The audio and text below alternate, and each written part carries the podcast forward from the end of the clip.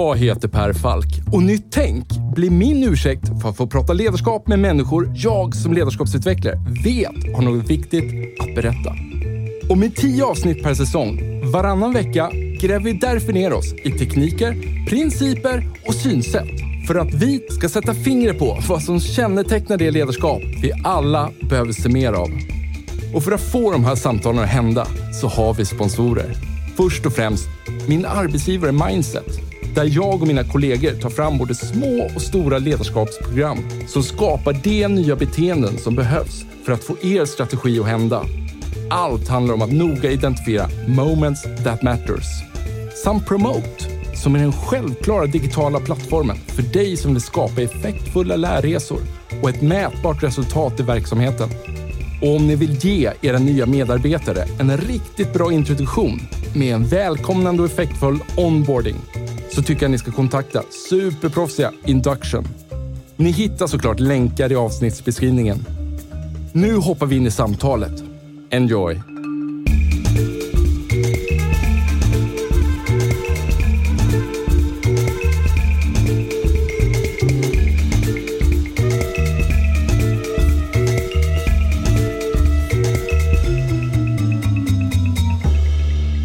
Är allt lugnt, Emil? Vi rullar. Ja, allt lugnt. Vi rullar. Bra, då tycker jag bara vi rycker igång. Jag sitter nu och känner att fan att vi inte... Jag skulle vilja börja banda dig direkt vid jag öppnar eh, liksom, dörren nere i trapphuset. Ja.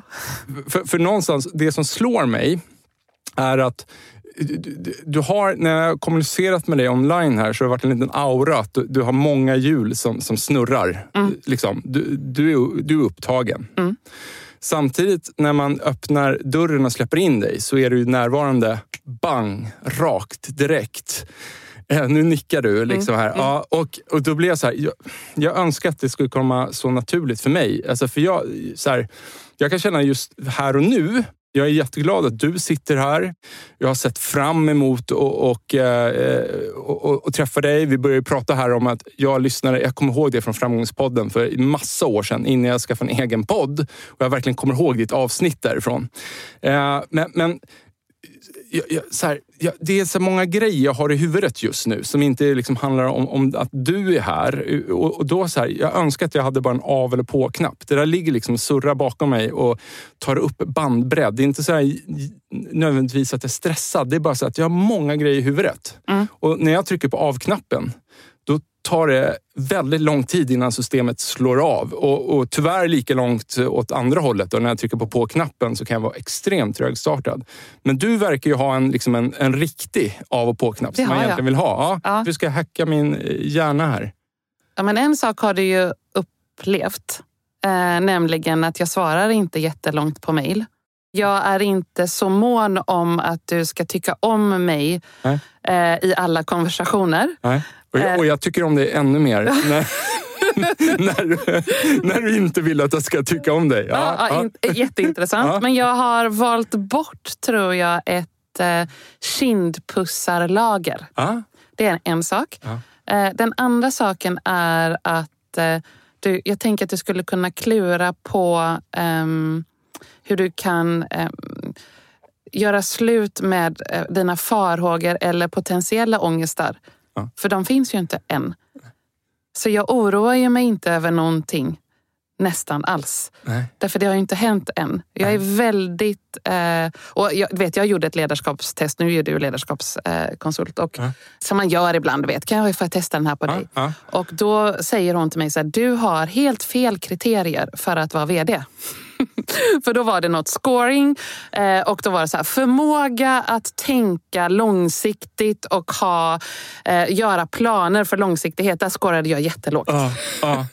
Och, och där skulle jag nog scora rätt högt då, tänker jag. Eh, hur ska man summera det? Så här, du är mer här och nu för att du, du tar allt lite mer sekventiellt då, då liksom, och tänker inte... Ja, jag, och jag försöker eh, hantera det som är här och nu i det skarpaste av läge. Ja, Så det som var så fint i det du precis sa ja, var att du sa när jag kom in så var jag här. ja. ja, ja. Nej, Ja. Men det, det, märker jag, det märker jag här i, i studion. Nu, Ja, och liksom, det är, det, är, det, det är någonting som jag har, när jag har jobbat med mig själv så har jag jobbat med hur tycker jag att det är viktigt som ledare.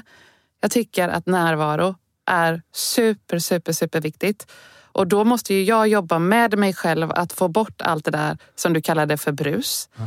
Och om jag, om jag då till exempel tänker bort att så här, i vissa jag är inte jättehärlig i sms heller eller liksom, jag glömmer säga tack. Och så. Jag, jag, Ja. jag vet om det. Ja. Eh, och jag har valt att gilla mig själv eh, trots det. Till förmån då för att jag ska kunna vara i stunden och agera i den stunden. Ja. Och jag vill bara säga en sak. Det betyder ju inte att jag inte har hög ambition eller att jag vill åt stordåd. Mm. Det är bara att jag sitter inte och tänker hela tiden på hur ska vi komma dit. S- sorry. Nu, Ja. jag, jag, jag, kom- det, det här är nog en av mina introverta sidor. Jag sitter och tänker så mycket när du pratar, så nu bara kommer jag av mig eh, totalt här. Men, men, Men, och det är också, Men- får, jag, får jag bara säga en ja. sak? Det är någonting i dig som gör att du behöver reflektera ens över det. ja, Och det behöver du inte. nej. För vi sitter ju bara här och pratar. Ja, ja men det, det är sant. Men, men det är ju så här, jag, jag ställer ju rätt stora krav på mig själv eh, i det jobb jag gör. Och då blir det så här, det här har jag pratat om i andra avsnitt också, så jag bara snabbspolar. Men då blir det ju så här att jag, när jag då känner så att nu måste jag hoppa in i det här samtalet, men så bara känner jag att jag inte riktigt kan det. För att det ligger liksom och brusar i, i liksom, hjärnan liksom vill inte riktigt hoppa in. Och då kan det bli så här att det bara, det bara slår av plötsligt.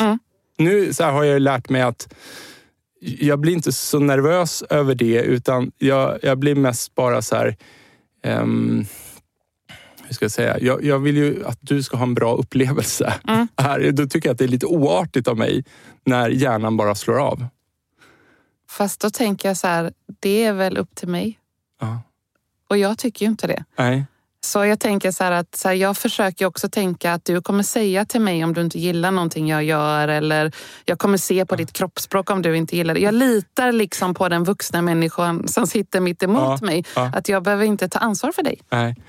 Och när du säger så här att du ser på mitt kroppsspråk, det var ju därför jag varnade dig lite här. Då, för jag, jag, min, mina eh, avigheter jag har i kroppsspråket då, att det inte ska förvilla dig. Du, men jag, jag måste bara lägga till att när du säger att du svarar kort i, i mail här och, och så vidare. Det, det sjuka är hur det där med intuition fungerar. För att någonstans här, jag tycker inte, jag fick verkligen ingen vibb av en oartighet eller någonting. Utan jag bara tänkte så här, wow, här är en människa som är hypereffektiv. För att jag någonstans förstår jag att du, är så här, du har många hjul som snurrar. Du sa ju också att du har kontor här precis några hundra meter ifrån och det gjorde att så här, jag, men, jag tror så här, Lisa har koll på bollen. Eh, hon kommer till studion när hon kommer helt enkelt. Om det är någon som inte vet vem du är, eh, är liksom, hur, hur skulle man snabbt eh, förklara det för någon? Jag är en entreprenör som eh, har drivit en design och innovationsverksamhet i nu lite mer än 25 år. Först i eh, egen regi eh, och nu som entreprenör i ett jättestort bolag eftersom jag då sålde mitt bolag till EY eller Ernst Young för tre och ett halvt år sedan. Och jag tror att jag fortfarande ser mig själv som en entreprenör i den verksamheten eh, också. Så att vad, jag, vad jag gör idag är att jag driver ehm, design och innovation globalt för EY. Ja. Vad heter bolaget som du sålde? Dobermann. Dobermann. Och vad heter det nu? Heter det fortfarande EY Dobermann? Dobermann. Ja, exakt.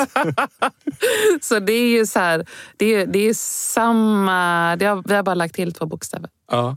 Och då leder du då i ett globalt scope, tänker jag att då har du en massa andra Dobermans eh, runt Ja. om i världen då, som Ja. också har ett Jag har EY ju... Ja, framför sig. Jag har eh, EY Faber Novell, EY Yellow, EY VODV, EY Saren. Alltså det är ett tiotal namn. Ja. För att vi har köpt upp, eh, jag tror att vi har köpt upp 17 stycken liknande verksamheter. Och sen så finns det också en massa team som vi har byggt från början.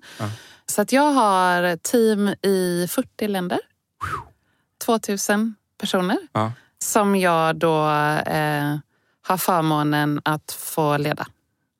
Va, jag är kanske lite fördomsfull. Jag tänker så här, jag kopplar inte ihop Ernst Young med den här typen av verksamhet. Jag tror inte att du är fördomsfull. Jag tror att det är vad de allra flesta eh, tänker när de tänker att vi är en del av en sån verksamhet. Ehm, traditionellt sett så Ernst Young är ju kända för att jobba med revision. Mm. Ehm, det är bara en del eh, av vad det här bolaget gör. Vi har en jättestor del som jobbar med konsulting eller du kan kalla det för management consulting eller teknologikonsulting. Och um, om du tänker traditionellt hur eh, managementkonsulter har jobbat så har ju det varit en verksamhet som har jobbat med att analytiskt lösa problem. Mm. Uh, och det är ju inte hela sanningen på hur vi ska kunna göra verksamheter bättre. Utan eh, det som vi som kommer från den mer kreativa sidan gör är ju att vi kompletterar det analytiska sättet att lösa problem med det kreativa sättet Mm, mm. att lösa problem. Spännande. Eh, och Analyskraft och och kreativ kreativitet. kraft. Ja, Ja. ja. Eh, och det är min totala övertygelse att vi har haft en, ehm, en liten övervikt i världen, inte bara inom de här stora Nej. bolagen utan traditionellt i världen i, i näringslivet men faktiskt också i offentlig sektor. Att vi har försökt att lösa problem på det analytiska viset. Eh, så jag är ju väldigt eh, tacksam för och glad för att ett så här stort bolag ser att det kreativa sättet att lösa problem är också viktigt. Mm. Sen är det klart att så här, det kan ju finnas då en, en perception att är då bolag som EY bra på att lösa problem också på det här kreativa sättet? Och det är ju mitt jobb då att lyckas förklara och ibland kanske övertyga om att det är så. Ja. Vad är det typiska caset? Ja, men ett väldigt, det finns ett par, tre typiska case. Det största som vi jobbar med det handlar ju om att eh, hur du som, om vi tar ett traditionellt industribolag, vill kanske tjänstifiera sig, alltså sälja mer tjänster. Och i det så finns det ju såklart ett stort mått av hur du möter kund i det. Hur gör du den kundupplevelsen så härlig som möjligt. Det är ett väldigt vanligt eh, case. Men det kan också vara ett case där du som bolag känner att så här, mm, vi kanske sitter på mer tillgångar än vi kanske når ut med. Alltså vi behöver skapa en innovation. Och då kan det antingen vara en produkt eller tjänsteinnovation eller att du bygger ett helt nytt bolag.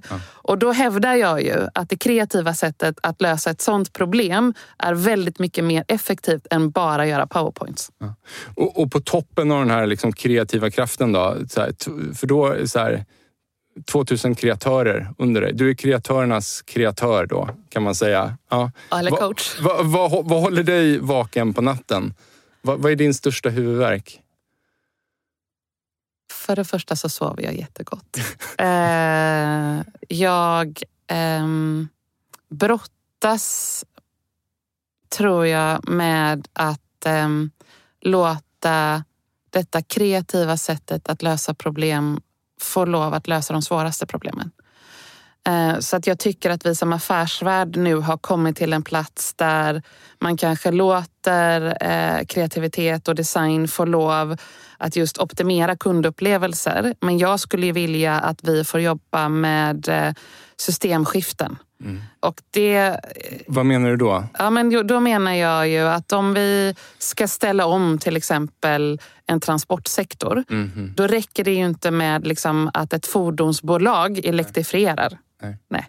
Då kommer vi fortfarande inte göra världen mer hållbar. Utan då handlar det ju om hur du ska få många olika verksamheter att samverka mot en beteendeförändring eller ett systemskifte. Mm. Och där tror jag ju att, tänk på vad jag sitter på. Jag sitter på designers som är bra på att göra förföriska, enkla, underbara saker. Mm. Tänk om vi kan få applicera det på de här systemskiftena. Så du hör, jag är inte så bekymrad, jag är bara otålig Ah, över så här, ah. låt oss få göra Så det. det låter som att du vill ha ett vidgat scope då. då. I, in, inte låta någon annan ha definierat problemet redan och sen så gör, gör något innovativt inom den här problembeskrivningen. Utan du vill vara med och, i problembeskrivningen mycket, mycket tidigare för mycket, mycket större problem. Då. Ja, precis det. Så det är det ena. Eh, sen har jag två till. Ja. Eh, det andra är att eh, i den här typen av större bolag så kan du uppleva att du är inramad trots att du inte är det. Så jag hade som ledord för mig själv hela våren liberation, frigörelse. Alltså hur kan jag få alla de här designers att känna sig så fria som de egentligen är när de upplever att de är ganska inrutade. Därför att ett traditionellt bolag eh, älskar ju att, att boxa in saker i lådor. Eh, och jag vet att inte allt det där är sant. Så då vill jag frigöra. Så det är min andra sak. Och den tredje saken som jag nu har som mitt eh, höstutmaning, det är att eh, jag upplever att vi i vårt samhälle har blivit oerhört individuella. Mm. Jag saknar, eh, jag är uppväxt på 70-talet, jag saknar ord som solidaritet och kollektivt ansvarstagande. Mm. Och det gäller inte bara liksom där jag jobbar utan jag tycker att det i hela vårt samhälle är så att Mm, vi mm. Bryr oss inte om det större. Mm. Vi bryr oss inte om vår granne, vi bryr oss inte om vårt samhälle, Mm. vi bryr oss inte om planeten i tillräckligt hög grad. Mm. Eh, så att om, det, du hörde ganska stora saker. Det är Ja. frigörelse, det är systemskifte och det är något form av, av kollektivt ansvarstagande Ja. som jag fokuserar på just nu. Ja. Hur fokuserar du på det då? Det sista? Är det liksom ett sidoprojekt där eller vill du vara en se till att er Nej, jag- verksamhet liksom... Jag kan inte syssla med sidoprojekt utan då, när jag har kommit på en sån tanke då börjar jag prototypa det. Ja. Så just nu så jobbar jag med hur får du människor i alla dimensioner, i alla typer av projekt att ta ett större kollektivt ansvarstagande. Och det handlar ju nästan bara om ledarskap. Det handlar ju om att du eh, måste börja känna för den andra personen eller du måste börja känna för ett samhälle. Så, så här, jag försöker just nu att eh, prova alla möjliga olika sätt för oss att eh, lära känna varandra bättre, att djupa i vår emotionella förståelse för varandra för att jag it. hoppas att det ska leda till att jag bryr mig mer om. Men det jag också har klurat på att jag ska göra är att så här, jag skulle vilja titta på olika rörelser som är duktiga på att, att samverka. Så jag skulle vilja, eh, det här kanske låter jättekonstigt nu, men Nej. jag säger precis som jag har tänkt. Jag har tänkt att jag ska eh, prata med några religiösa ledare. Jag har tänkt att jag ska prata med lite aktivister. Jag har tänkt att jag ska prata med lite influencers. För alla de här tre gör någonting som är magnetiskt som gör att folk börjar både följa men också agera för andra Mm. potentiellt. Mm, mm. Och så ska jag se om de sitter på några nycklar och så har jag tänkt att testa dem. Ja. Det låter lite som en antropolog. Ja, varför Ä- inte? Är du antropolog i, i grunden? Eh, jag tycker det här är en svår fråga. För det är som att man eh, är det man är utbildad till. Ja, jag är inte utbildad till antropolog. Nej. Är jag som Men människa? på, på insidan? Ja, det är Ja. jag. Mm. Så min, eh, jag drivs ju av min människosyn. Och min människosyn är ju eh, att jag anser att i varje människa så finns det mer kapacitet än den människan själv tar vara på och som andra tar vara på. Och det är mitt jobb att försöka få tag på det. Eh, och då är det ju som antropolog så behöver jag ju då förstå vad finns det för olika sätt som funkar. Eh, så. Sen är jag inte utbildad till det. Jag tror jag är intuitiv antropolog kanske. Ja, ja, men så är det väl. Jag tycker så här, så här eh, bara en, en passus här. Jag kan tycka så här att när man hittar någon som är nästan kanske bäst på sitt område eller bland de bästa så är det påfallande ofta den personen är självlärd inom området. Så här, rent passionsdrivet, tomt blad, ingenting som har boxat in personen från början utan den personen har bara prövat sig fram och därigenom utvecklats snabbare i många fall. Mm. Ja. Så tänker jag just det antropologiska synsättet ligger väl rätt nära det ni håller på med eh, Ja. i er verksamhet. Ja. Det vill säga förstå andra människor eh, för att kunna göra den här innovationen. Ja. Du tog upp det att du kanske liksom också måste förklara varför kreativitet behövs. Va, vad är kreativitet för dig? Ehm, det är förmågan att vara utforskande i sina idéer, i sitt skapande, i sitt um, beslutsfattande. Eh, och vad jag menar med det är att ehm, det är en tillgång till helt fria tankar och helt fria uttrycksformer. Det är som att det är liksom en, en kraft av en, en rörelse av em, testande och utforskande och görande som bara går ihop på något sätt. Och jag har klurat ganska mycket på det här just med liksom kreativitet i, i förhållande till frihet. Mm. Att känna att jag är tillåten att bara testa och ni vet, så här, man, man uppfattar ju oftast liksom att kreativa människor kommer med så mycket idéer. Mm. Jag kanske tror att alla människor sitter på lika mycket idéer men man hämmar sig. Mm. Eh, så En kreatör kanske kommer med väldigt många eh, dåliga Då- ja, idéer. ja. Men man, man är duktig på att alstra idéer. ja, liksom, va? det är en... Därför att man, är, man, man känner sig fri att bara få fram det. Mm. Ehm, Där, där gäller ju också att man då får vara i en miljö där det tillåts. ja, Tänker jag. Annars blir man en väldigt olycklig kreatör. ja. Ja. Eh, och jag hade en em, dialog med mina kollegor eh, häromdagen om att det finns någon slags eh, tro att i kreativa verksamheter så skapar man den där tryggheten genom att det är mysigt. Mm, mm. Och, och jag tror inte att människor känner sig litade på på grund av att det är mysigt.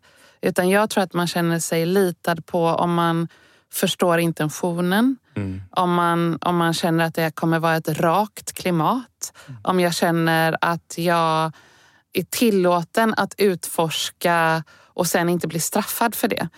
Men framförallt så tror jag på det här liksom att, att jag förstår vad intentionen med, med det vi gör. Förklara det för mig på ett sätt så att jag förstår det så kan jag känna mig mer fri att bidra. Mm, mm. Kan alla vara kreativa? Ja, det tror Det jag. går att lära sig. Ehm, lära sig eller bara ehm, Bejaka. bejaka tror jag. Ja. För lära sig är ju som att du ska öva. Man kanske kan öva på det. Eh, Men jag tror att det handlar ganska mycket om att bejaka. Eh, Och jag tror att det finns liksom ganska bra arenor att öva på. Men sen så tycker inte jag att det är ett självändamål att alla människor ska vara kreativa. Eh, Som jag sa alldeles nyss så finns det liksom ett analytiskt sätt att lösa problem på. Jag tycker inte att det är dåligt. Mm, Eh, Jag tycker bara att det är lite för, för, ehm, för tungt. så, så här, jag tycker kanske nödvändigtvis inte att alla människor måste vara kreativa. Eh, Men om man känner sig sugen så tror jag så här, börja med att bejaka de där idéerna som ploppar upp och bara låt dem komma ut och se vad som händer. Mm. Och det, så här, jag sitter bara och tänker medan du pratar. Just det här att Eh, vi pratar det här med en tillåtande atmosfär och sådär. Jag, jag tänker liksom att ja, ur mitt perspektiv, ska man rycka igång hjärnan då, bejaka det och bara låta den få löpa fritt så, så kommer det komma ut väldigt mycket konstiga, eh, oproduktiva grejer Ja. i början. Ja. Eh, och sen så, nu pratar jag bara för egen del, så kan jag känna att det blir som en kon där man blir mer och mer on target. Liksom. Men, men om, om inte folk runt omkring har förståelsen för hur, hur, liksom, hur hjärnan fungerar för att få fram den här kreativiteten, det, då, stoppar det ju där Ja. jäkligt tidigt. Ja, Alltså. och vi Eh, är- och man känner sig kanske rädd för att eh, ses som lite, liksom, jag vet inte, lite korkad eller som att man inte har förstått problemet. Eller, Ja. Och då ehm, kan man ju tänka så här. Om vi nu befinner oss i en värld där vi har eh, duktigare och duktigare robotar och maskiner och datorer Ja. som kan lösa problem på ett analytiskt eller repetitivt vis Mm. så är det ju väldigt dumt att vi använder människor.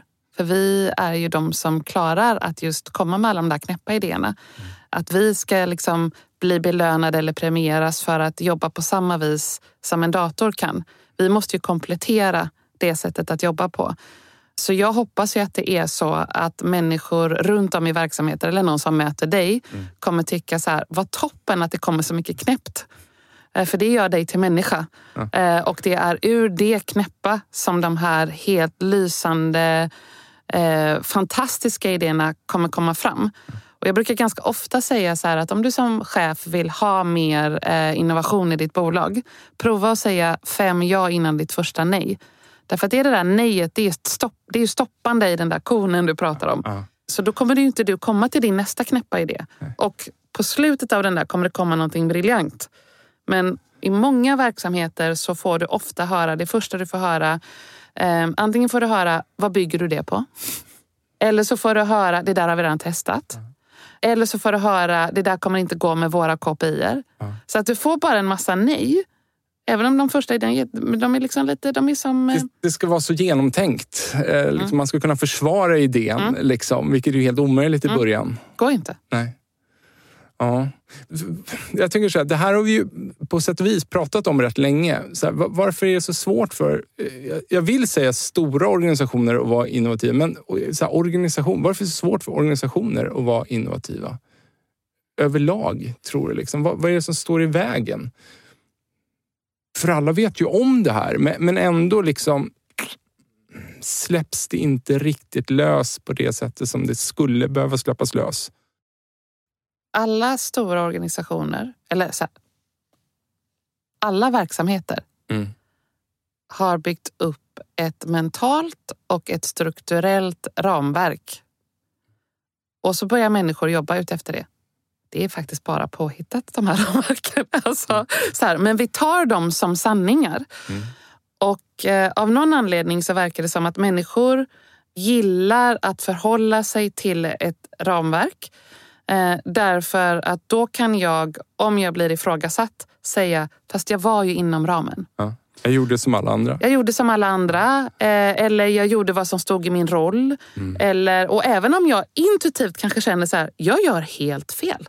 Så gjorde jag ju det. Ingen kan sen komma och smälla mig på fingrarna att jag gjorde fel. Så jag tror att problemet är att vi säger vi vill ha mer innovation i våra verksamheter men vi ändrar inte ramen. Alltså vi ändrar inte vad vi premierar, vi ändrar inte vad vi pratar om, vi ändrar inte vad vi belönar, vi ändrar inte ehm, våra, liksom vår kultur. Klart att du inte kommer få någon skillnad då. Mm, mm, Så om, om innovation handlar om att vi skapar helt nya saker, då måste ju sättet som vi jobbar på vara helt nytt. mm, mm. Och sättet vi leder på måste vara helt nytt. Mm. Så det är liksom lite konstigt att vi tar det här som är helt nytt och stoppar vi in det i samma ram. Mm. Det är, tror jag, den stora anledningen till att det inte går så bra att att göra, lösa saker på nya sätt. Vad, vad, tror, så här, vad tror du alltså, när det kommer ut unga människor på arbetsmarknaden som har lite fallenhet för det här tänket? Liksom. Det, det, de, som du säger, vad var du kallar det för? En eh, intuitiv antropolog? Mm, ja, du, var det det du sa? Ja. Ja, men om, man, om man intuitivt då har lätt att försätta sig i det här tillståndet. Man har intuitivt lätt för att se att allt runt omkring oss är ju påhittade eh, regler och, och, och gränser. Mm. Vad tror du, i början när en ung människa kommer ut och inte har så mycket inflytande, liksom, hur, hur tar sig den här personen fram i en verksamhet? Eller gör den det i huvudtaget? Det är en jättesvår fråga Ja, för jag mig. skulle säga Från höften-fråga. Ja, eh, I de allra flesta verksamheter så kommer den personen eh, antingen självmant sluta eller behöva sluta. I de organisationer där det går bra, då, då ger man en sån eh, förmåga, ett litet mandat och förhoppningsvis ett team. Så om vi, vi, kan ta, vi kan ta som exempel eh, när jag kommer in nu i den här jättestora organisationen. Nu är inte jag ung, men jag är ung i den jättestora organisationen. Och jag är då intuitivt kreativ, kan vi säga. Eller det är jag, jag är intuitivt kreativ. Då börjar jag jobba med en person som har jobbat i den här organisationen länge. Så att han kan översätta till mig varför det ibland inte flyger. Och han kan översätta för andra vad det är jag håller på med. Mhm. Så jag tror att man behöver liksom ha någon form av buddy för att det ska funka. Och för en ung person i en verksamhet så brukar man inte få den typen av buddy. Och då tror jag att så här, ens första tanke är då så här, herregud, de är ju helt ute och cyklar. Här ska inte jag vara. Och så slutar man och så hittar man kanske en, en verksamhet som är lite mindre oftast. Man kanske startar sitt eget eller man hittar eh, en mindre kontext. Eller det absolut allra vanligaste. Man slutar och sen så ändrar man sitt beteende och så går man in och försöker följa mallen. Tråkigt. Vad brukar man säga? Bli konform. Ja. Ja. Och Det gör ju ont för den här personen. Jätte. Man får hoppas att, att man ändå, så här, ä- om man skulle lägga till sig med sådana manér då, så här, att det är för att, så här, okej, nej, men jag får spela ut den här superkraften lite senare här, när jag har mer inflytande eh, och att man kan koppla tillbaks då igen. ja, Men det är ju ledsamt eh, Nej, det att, det ska super- behöva, att det ska behöva vara en strategi, tänker ja, jag. ja. Nej, jag tycker att det är, det är vår, vårt uppdrag som ledare att se de här unga förmågorna och se att så här, det de kommer med är ett tillägg. Eh, så att det här ifrågasättandet, varför gör ni så här? Vi hade Förr, jag kanske ska börja med det igen nu kände jag nu när jag satt och pratade med dig. Men förr hade vi en bok på Dobermann. Så när du började så fick du Varför-boken. Och där skulle du ifrågasätta allting som vi gör. För att det är en sån kraft i det där nya som kommer in. Ja. Och sen så fick du sätta dig med din chef efter ett halvår och gå igenom allt som stod. Varför gör ni så här? Varför gör ni så här? Varför gör ni så här? Det var ju för att det ifrågasättandet är en kompetens som vi ville åt. Ja. Då hade vi ett strukturerat sätt att ta vara på den eh, nyfikna kreativiteten och liksom förmågan att se helt knäppa saker som vi gör. Ja. Var, varför efter ett halv, halvår? Jag tänker att det finns någon tanke här. Är det för att man, man ska först liksom, på något sätt göra som ni har gjort, by the book. Ja. Eh, men sen få en chans att ifrågasätta. Men att man då förhoppningsvis eh, vet mer än precis ja, när man, man kan börjar. sätta det i sitt sammanhang. Ja, exakt. Eh, det är ju väldigt svårt. I början är du ju bara ny. Mm. Då är ju allt knäppt. Mm. Um, men, men då kan du på något sätt sätta det i ett sammanhang och förstå vilka av de där varförna som är eh, på riktigt. Mm. Och jag har ju också alltid gjort så att när jag har utsett nya ledare i, i min verksamhet så har jag ju sagt att så här, jag kommer inte berätta för dig vad ditt mål är. Utan jag vill att du ska berätta för mig vad du tycker att vi ska ta vägen. Och varför jag gör så är ju för att det kommer en ny person och ser vi tar när vi startade vårt eh, Oslo-kontor. Då har vi inte haft ett kontor i Oslo innan. Då är jag ju nyfiken på, inte bara att få tag på så här, vilka är vi i Oslo, mm. utan jag är nyfiken på att få tag på hur den här ledaren skulle kunna forma vår verksamhet åt ett håll som jag kanske inte vet. Mm, mm. Och det här är ju så här, just på Oslo-kontoret gick det jättebra men när jag startade ett New York-kontor så tyckte den här chefen att jag var helt knäpp. Vadå, ska du inte sätta ett tillväxtmål? Ska du inte säga hur många vi ska bli? Nej, jag tänkte att du ska berätta för mig. Mm, mm. hur många tycker du att det är lagom att vi ska bli i år? Vilken tillväxt tycker du? Givet att du känner den här marknaden, det gör inte jag. Berätta för mig och sen så ska jag se på vilket sätt kan jag stödja dig i att uppnå det. Då blir det ju också ett ägandeskap från den här personen. Den här personen måste ju tänka till och komma med de här liksom, eh, då förhoppningsvis nyfikna, nya, eh, mer spännande sätten eh, att, att lösa problem på. Mm. Så, att, så här, jag försöker på riktigt att applicera det här i allting som jag gör. Du, jag har en fråga om det alldeles strax. Jag bara undrar, så här, av alla de här 2000 kreatörerna, som är då i 40 olika länder. Mm. Ja. Vad, är, vad är signaturen av en kreativ människa? Alltså, vad finns det för gemensamma nämnare av, av alla de här 2000 jag säga, personerna? Alltså det första ordet som dök upp i mitt huvud nu är punkare. Och, och, och, jag vet inte varför, jag men, var, liksom varför det var det ordet. Ja. Men någonting som de har eh, gemensamt är att de köper inte läget. Nej. De ifrågasätter. Ja. Så att detta är ju också på ett sätt lite jobbigare människor att leda. För att så här, du har ju inte ett gäng som köper blankt vad du säger utan det är hela tiden ett eh, ifrågasättande. Och den andra saken är det är hela tiden i rörelse att man vill vidare. Man vill lösa det på ett nytt sätt. Det kommer liksom nya... Mm. Man tycker inte om att repetitivt eh, lösa saker och göra likadant som man gjorde förra gången. Mm. Det är också då svårt när jag får från mina chefer som säger så här, du Lisa, eh, du skulle väl kunna se till eh, att vi bygger ett system så att vi kan vara 4000 designers. Och då är det väl bara så att du behöver skriva ner hur ni jobbar och sen så kan vi anställa 2000 till och så kan de följa boken. Det är så man berättar för mig och jag säger absolut inte. så. för att har missuppfattat ni, allt. Ja, ni har missuppfattat allt. Det går inte att säga till kreativa människor att så här funkar det. Nej. Därför att de kommer bryta det med en gång. Jag, jag, jag, tänker så här, att man är allergisk mot allt som har med grupptryck att göra. Ja. Alltså att man nästan skyr iväg från den känslan. Ja. ja. Det finns massa olika saker som är liksom gemensamt. Men jag skulle säga just det här att eh, ifrågasätta, inte, alltså man har någon form av lite allergi mot hierarkier. Ja. Um, jag får ett ord i, i huvudet, just här, leading the unleadable. Ja, eller liksom. ja. ja. Nej men så är det. Så därför så är ju jag tror att man måste som liksom, eh, ledare för kreatörer ha en, ett ganska stort mått av eh, självkänsla. Ja. Vilken kultur ligger längst bort från den svenska kulturen av de här 40 länderna? Den am- Rent nationellt. mm, liksom. Nu ska du få höra. Ja. Den amerikanska och den indiska. Det var lite otippat. Förklara. Förklara. I den indiska kulturen så är man fostrad att det finns ett svar. Mm. Så att jag upplever att de har svårast att eh, stå ut med att jag säger det finns inget svar. Eh, jag är jättenyfiken på hur du vill lösa det här.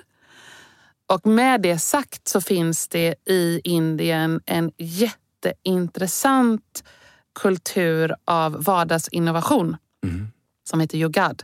Så man har det inbyggt i att du hela tiden gör små innovationer i vardagen i din, liksom, i din kultur. Men det ser du inte som att Det är ju en det... jättestyrka. Ja, Det är den bästa typen av Ja, innovation. liksom. men du kopplar inte det till när du då jobbar i eh, liksom ett, det här ganska traditionella bolaget. Ja, ja. Så att så här, min, min längtan efter den här frigörelsen kom faktiskt när jag hade jobbat ganska mycket med våra indiska team och såg att här, jag når inte fram i att ni är fria att lösa på ert sätt. Och då kommer då min, så här, varför säger jag att jag också tycker att USA är långt ifrån? Jo, men lite faktiskt av samma anledning. Att i USA så tycker man också om att det finns en tydlig ram Mm. som du ska leva upp till. Mm. Och när jag då tar bort den ramen så uppfinner man en ram åt mig. Vilket så här, det- Och ger till dig, och så du ska mig. ge Ja, tillbaka den. Ja. och jag trodde inte att jag skulle säga att det var de här två länderna. Men det är liksom min senaste spaning. Att där är det väldigt olikt. Och både USA och Indien, kanske USA ännu mer, är superhierarkiskt. Mm. Så tänk så här, jag som kommer in och vill skapa en, liksom en samskapande kultur. Mm. Och så heter jag Global eh, Design and Innovation Leader. Mm, mm, mm, mm. Allt så hon har du säger- förstört. Ja, eh, allt hon säger ja. är sant. Nu har Lisa sagt. Ja, du, får, eh, du, du får bli lite the undercover CEO, eller vad Ja, heter den där eh, tv-serien? Ja. Ja. Okej, men båda de här länderna de får ju fram innovationer också. Då. Så hur, har de en annan form av kreativitet? Alltså, det här är en askorkad fråga från min sida. Eh, Jag, vet inte hur jag ska formulera den. Liksom. Eh, Kan olika nationer, vara liksom, li- alltså att man ser lite så här, ja, olika former av kreativitet eller att man jobbar med varandra på olika sätt? För, att, för jag Får, tänker men vänta lite, du ställde f- två frågor nu. jag måste få säkert. svara. Ja. Minst, minst Ja. två. Den ena frågan du sa är hur kommer det sig att de får ut innovationer? Mm. Det är två länder med en väldigt exekutiv kultur. Mm. Alltså, du ehm, är duktig på genomförande. Mm. Mm. Mm, Det var den ena frågan. Så hur får de ut sina innovationer? De är duktiga på genomförande. Mm. Har de en annan slags kreativitet? Mm. Eh, det kanske de har, men jag är inte säker på att de innovationerna som man plockar fram kanske är de absolut mest innovativa. Mm. Så det, det som jag tycker är... Jag ska åka på en studieresa tillsammans med några kunder till Sydkorea. Mm. Och Det gör vi därför att vi vill studera hur... Eh, Sydkorea anses också vara ett av världens mest innovativa länder. Och Då vill vi studera vad är det som de gör som vi inte gör. Och Jag åker dit med en hypotes. Jag tror att vi i Norden är superbra på att komma fram till helt radikala och nytänkande idéer, men vi är inte så bra på genomförandet. Och jag tror att man i Sydkorea är superbra på genomförandet och ganska bra på att också snappa upp de där jättebra idéerna från andra länder och sen ta dem och springa med dem. Det är inte så viktigt att det var ens egna idéer. Medan vi är, i Norden vi är ganska måna om att idéerna kommer från oss och det är autentiskt och sen så genomför vi det. Eh, så, och varför vi åker dit är ju så här, tänk om man då kunde ta liksom vårt lite mer eh, idédrivna innovationsarbete och kombinera med det här liksom genomförbara innovationsarbetet. Eh, Och jag gör detta därför att vi håller på att bygga upp en, en eh, innovationsplattform med de här bolagen. Så att vi vill verkligen lära oss här, hur, hur kan vi kombinera de här två? Du, du har ju det coolaste jobbet uh, fucking ever. Ja. Så få åka iväg på syd, till Sydkorea med det liksom mindsetet. Ja, ja, ja, och jag kan berätta, jag gjorde en liknande resa. Jag har ett jättecoolt ja. jobb. Um, uh, jag har varit inblandad i att bygga upp ett uh, hälsoinnovationskluster i, i, i Göteborg. Och då åkte vi på en sån här studieresa till Boston och undrade, så här, du kan läsa dig till varför det är så att i Boston så gör man världens mest innovativa hälsolösningar. Men vi undrade så här, vad är det i vattnet? Eller så här, vad är det emellan det du inte kan läsa dig till? Mm. Så då åkte... Jag gillar, älskar uttrycket. Ja. Ja. så då åkte vi dit och, eh, och forskade på det. Ja. Nu, är det, nu är antropologi igen här. Ja, ja. och då, då såg vi att eh, utöver att du liksom kan se att de har de ledande universiteten, du har liksom MIT och du har allt kapitalet där och du har de ledande life science-bolagen där. Utöver det så hittade vi tre saker. Vi hittade en, eh, en torsdagsöl. Ja. Som har gjort att jättemånga unga personer har träffat investerare eh, över en öl. Ja, ja. Så eh, effektivitet i hur, eh, hur man pengar... Ja, eh, liksom, hur man dejtar. Ja, mm. Så liksom en, istället för att de ska gå med sitt jättefina business case och pitcha mm. hos det fina investeringsbolaget så står man lite informellt mm. och dricker öl tillsammans. Mm. Den, är ju, den kan man ju bara kopiera. Men den, den tycker jag var jätteintressant.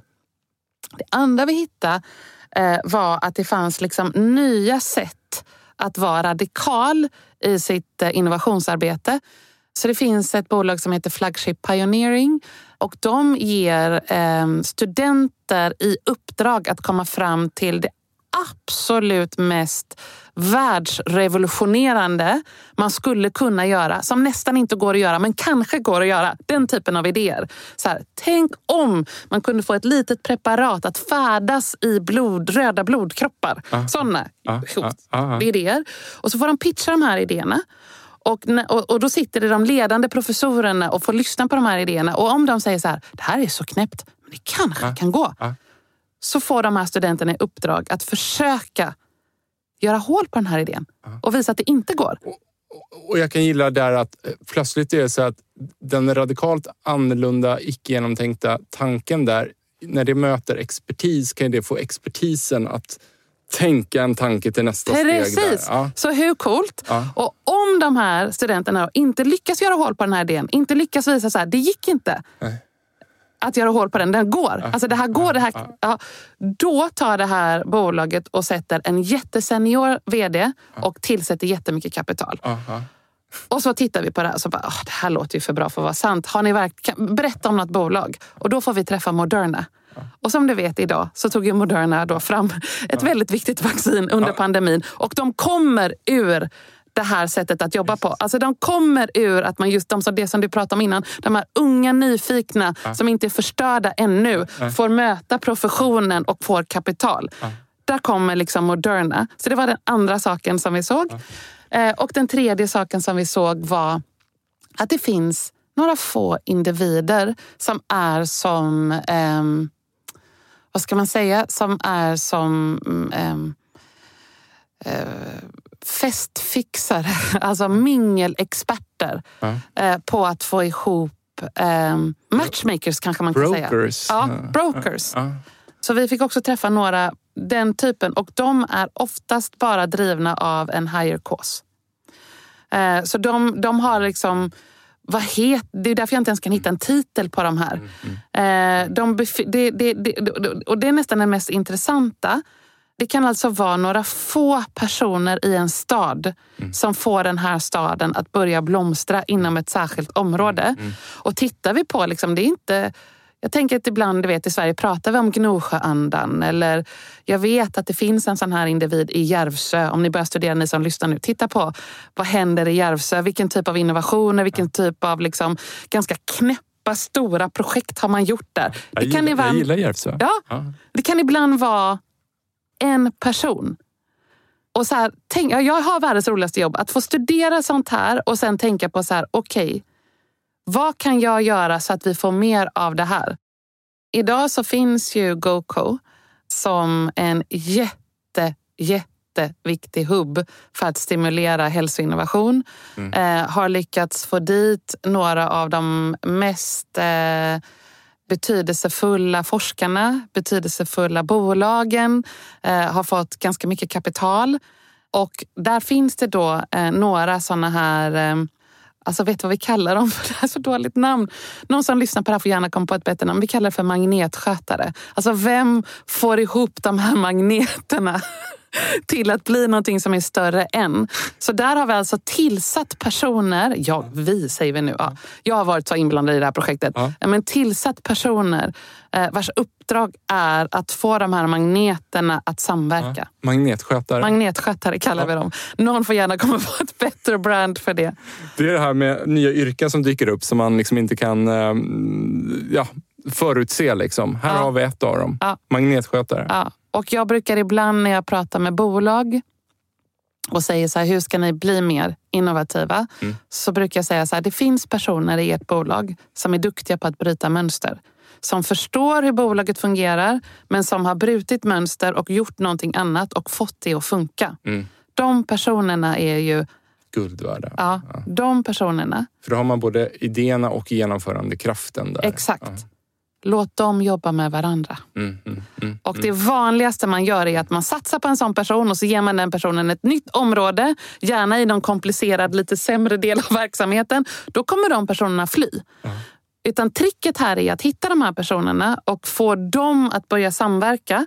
För då får ju de en, till en rörelse som då kan börja förflytta bolaget åt en riktning. Men tyvärr så brukar man liksom ta dem och så sätter man dem så att ta hand om det här. Här borta är det lite trögt. Då kommer de dra.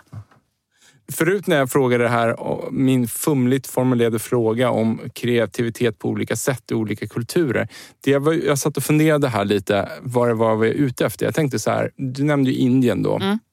Eh, såklart mer kollektivistisk grundkultur än den svenska kulturen som är individualistisk. Och jag tänker någonstans här, här lyckas ni attrahera alla de här 2000 kreatörerna.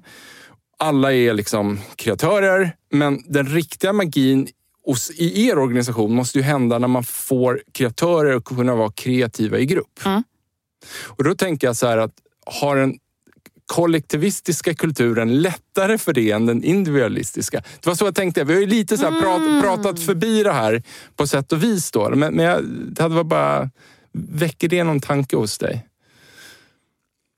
Alltså, alltså att man i väst har mer fallenhet för att vara kreativ som solitär medan det kommer lättare att liksom vara kreativ i grupp då i den här kollektivistiska. Om man nu ja, lyckas hitta Jag den. har inte sett några sådana mönster. Nej. Men det kan ju bero på att vi just är kreatörer. Så att så här, vi har en, ett kollektivt sätt att jobba på. Mm. Ehm, Som är men- universellt. Ja, men sen så vet inte jag om detta också har lite att göra med, med Dobermann. Därför att här, på Dobermann så har vi varit allergiska mot primadonnor. Och det är klart att det finns ju en massa kreativa verksamheter som har en massa primadonnor. Det stora geniet. Den ultimata creative directorn. Och vi har ju varit allergiska mot det. Eh, så att vi har ju sett till att inte rekrytera... Don, Don Draper. Ja, precis. Ja.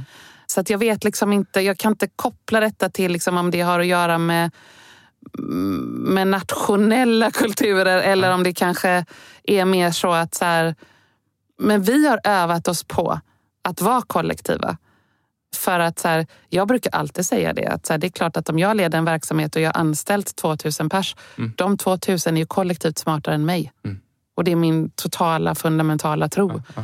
Men, men låt oss peta runt lite Ja. där, för det här är jätteintressant. Men innan jag gör det, du nämnde så här, ja, hur hittar ni de här människorna? Hur screenar ni ut dem?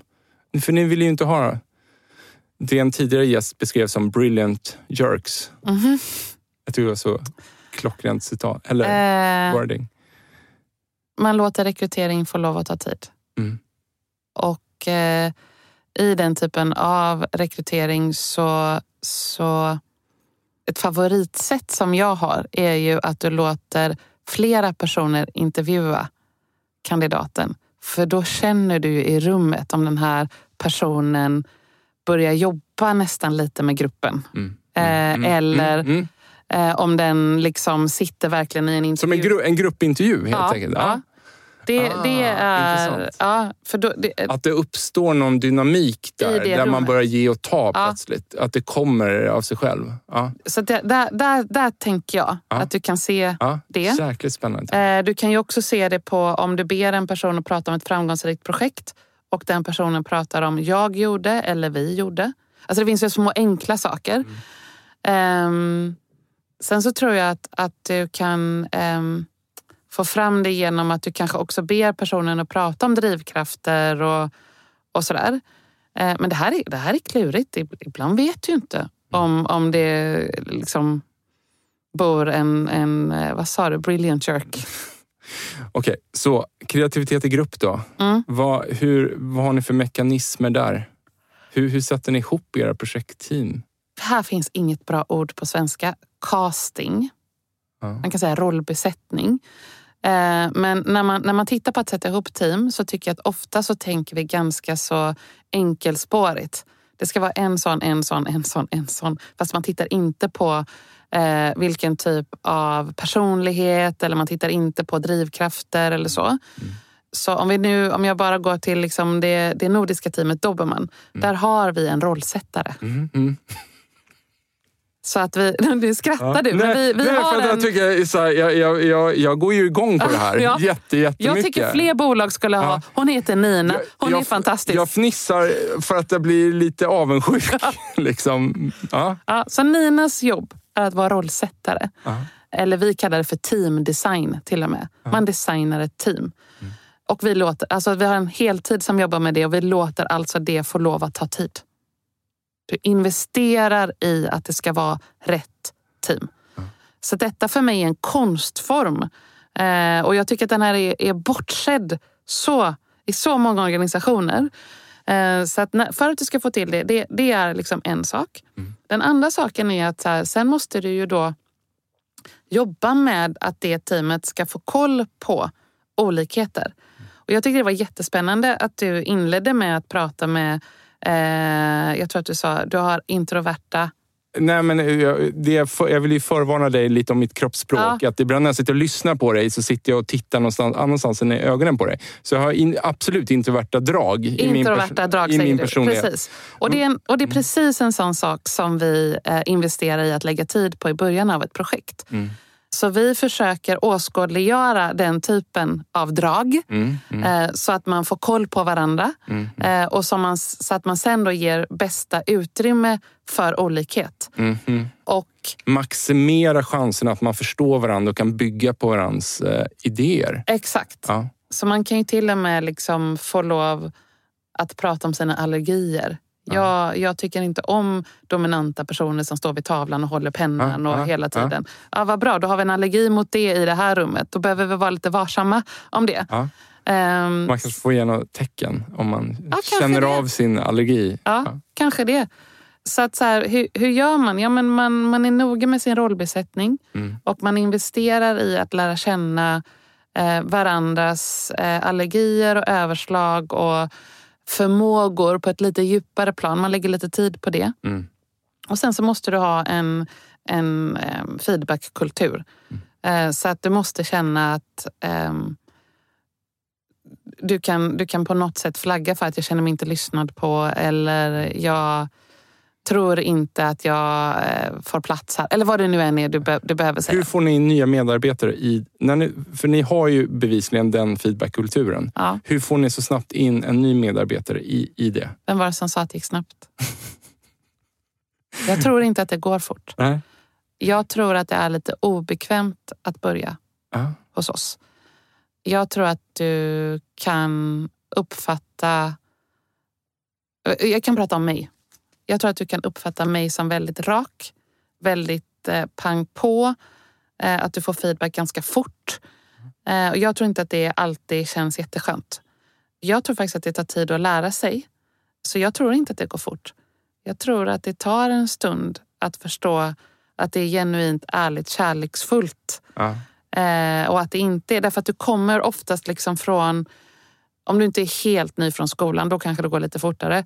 Men om du har jobbat någon annanstans, då kan det nästan vara som att så här, oj, blev jag utskälld nu? Mm, mm, mm. Och då, då måste du lära dig att navigera i det att så här, nähä, Nej, det var bara, du fick den här raka eh, feedbacken för att den här personen tyckte om dig och ville åt den dialogen. Så det du kan göra för att skynda på, det är ju att du eh, låter eh, den typen av öppenhet få ta plats. Eh, och att du kanske lägger lite tid på det. Så eh, jag försöker liksom komma på exempel här nu som jag inte har sagt någon annan gång i någon podd. Det är också jättedumt varför jag sitter och tänker på det. Jag tar något som jag tänker på. Ja. I måndags då eh, så ledde jag vårt partnermöte för alla partners inom konsulting i Sverige. Så det betyder alltså att eh, alla i det rummet är, är kanske inte i eh, Dobermans verksamhet. Eller Mm. inte kanske. Det är väldigt få som är i Dobermans verksamhet. Och då eh, lärde jag ut en metod till dem för hur du just ska uppnå den här öppenheten. Som vi kallar för kolapapper, som jag har lärt mig av en ledarskapskonsult. Eh, och kolapapper är de där papperna som ligger på marken, du vet, som alla ser. Men bara går förbi och inte plockar upp. De bara är där. Eh, och det är ju de sakerna som vi måste prata om. Som vi inte pratar om. Och då fick alla skriva de sakerna Ja. som vi inte pratar om, som vi behöver prata om. Och så la vi dem i en burk och sen så pratar vi om det. Och det är ju... Och, och, och, och drog dem en Ja, efter en? Drog dem. Vi- Nu gjorde vi ju inte hela övningen. Nej. Utan just i måndags ville jag ju bara visa på hur man gör. Ah, ah. Och nu så har vi sagt att det, nu ska vi liksom jobba med de frågorna i varje möte. Eh, Modigt. Ja, och det är ett eh, väldigt, ehm, väldigt, väldigt eh, eh, kraftfullt verktyg. Så om jag, om jag tar det till USA en gång, när jag använde den Mm. övningen. Mm. Då, då vågade några inte skriva sådär särskilt djupa frågor. Då blir det en temperatur för mig. Så här, hur öppna är vi här? Mm. Då drog jag väl någon lapp och så står det så här. Får man lägga sig och sova på lunchtid? Mm. Mm. Mm. Det är för mig då temperatur på, okej det är den nivån av öppenhet vi är Låg på. trust. Ja. Så här, behöver fråga det. Eh, jättebra temperatur för mig som chef. Medan i, i Sverige veckan innan, jag hade, där vi hade dragit lappar, så var det en lapp som stod så här. Eh, varför får gravida kvinnor mer i lönehöjning än andra?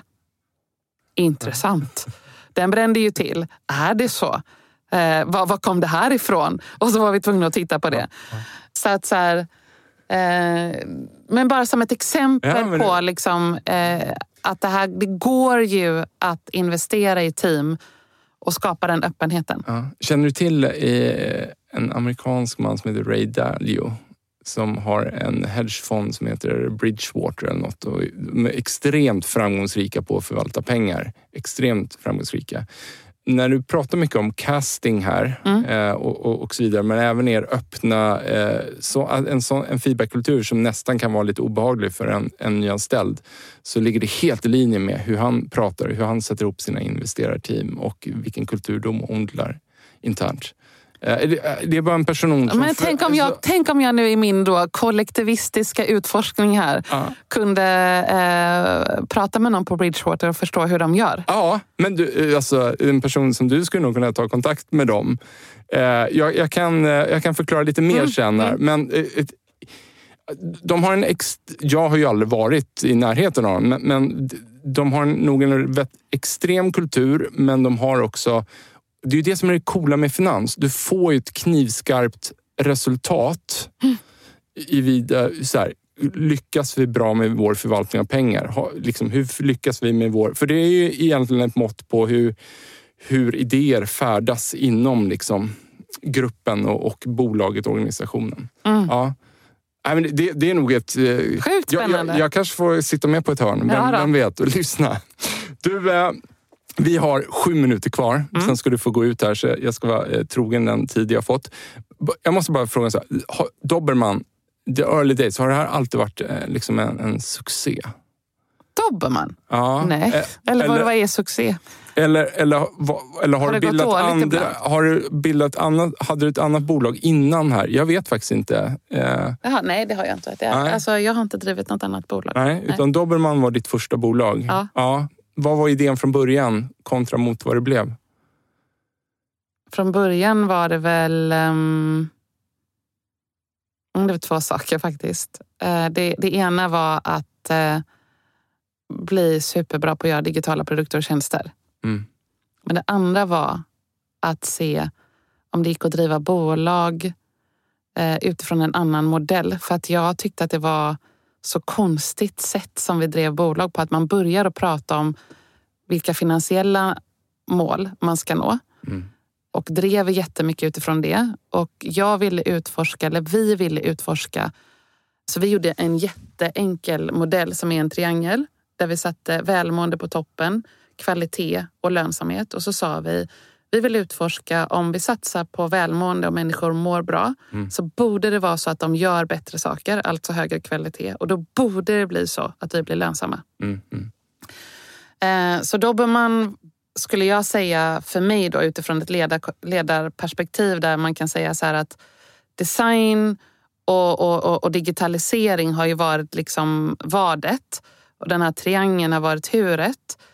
Eh, det är samma. Den utforskningen pågår fortfarande. Den, um, det är en ledstjärna som jag fortfarande använder för att liksom driva vidare. Så det, det är väldigt samma. Sen har själva vadet ändrat sig. Mm. Och vad är det som liksom kunder behöver precis just nu? Det har ändrat sig massvis Såklart. med gånger. Men när du säger så här, det, har det alltid varit en succé? Jag vet inte vad succé är riktigt. Har ni, har ni hållit på och gått omkull? Ja. Mm. Var rädd? Gått omkull. Inte kunnat betala löner mm. har jag varit rädd för. Mm.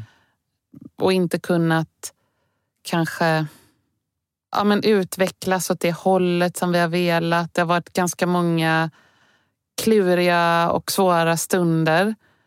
Eh, och i de stunderna så har ju den där triangeln varit jätteutmanad. Mm. Så att min slutsats är att först måste du ha mat på bordet. Och sen kan du jobba med den där triangeln. Så i de stunderna, eh, så jag vill inte låta liksom så mat på bordet lika med eh, att det finns ordrar i ja, orderböckerna? Ja, och mm. finns inte det, då kan du liksom inte säga så här, nu satsar vi allt på välmående. Mm. Och det där tycker jag är viktigt för att ibland så tror jag att, så här, att någon som hör mig prata om den här triangeln så låter det helt orimligt. Ja, men det går ju inte om jag inte har mat på bordet. Nej, det gör det inte. Så ibland så måste du bara få in ordrarna mm. och då får du sälja vad som helst. Mm. Mm. Eh, för liksom att få in dem och sen när du har fått in dem, då kan du jobba mm. med välmåendet igen eller jobba med kvaliteten igen eller vad det nu än är. Mm. Och det är också liksom en ganska tuff lärdom att så här, jaha, får jag liksom gå ut och bara sälja lite vad som helst här för att vi bara ska ha mat på bordet. Ja. Du, vi ska avsluta eh, och jag bara av ren personlig nyfikenhet. Mm. Vad gör du för att samla energi privat utanför jobbet? Ja, vad gör jag? Jag är ju en väldigt extrovert person. Så jag får jättemycket energi eh, av att eh, vara med eh, nära vänner och eh, ha stora och djupa samtal med dem. eh, så att jag tror att här, det som ger mig mest energi är att eh, ha tid för att vara med min familj, ha tid för att vara med mina vänner och fylla mina basbehov tror jag av liksom ren och, och skär liksom, kärlek med andra människor. Det låter, eh, det var, gud vad det låter konstigt, men det är det. Jag tycker det låter underbart. Lisa, eh, galet givande samtal. Jag är så otroligt glad att eh, du tog dig tid att komma förbi. Tack så mycket för att jag fick komma. Bra, då är vi klara. Ja. Den är 28 till och med. Ja, fan, äh, så jävla... Jätte, jätteroligt. Jätte, det, det, det är såna här samtal som det är därför jag har podden. Liksom. Sen är det sällan... Du, det kommer så naturligt för dig. Hörni, tack till våra sponsorer. Mindset, Promote samt Induction för att ni tror på den här produktionen. Ta hand om er.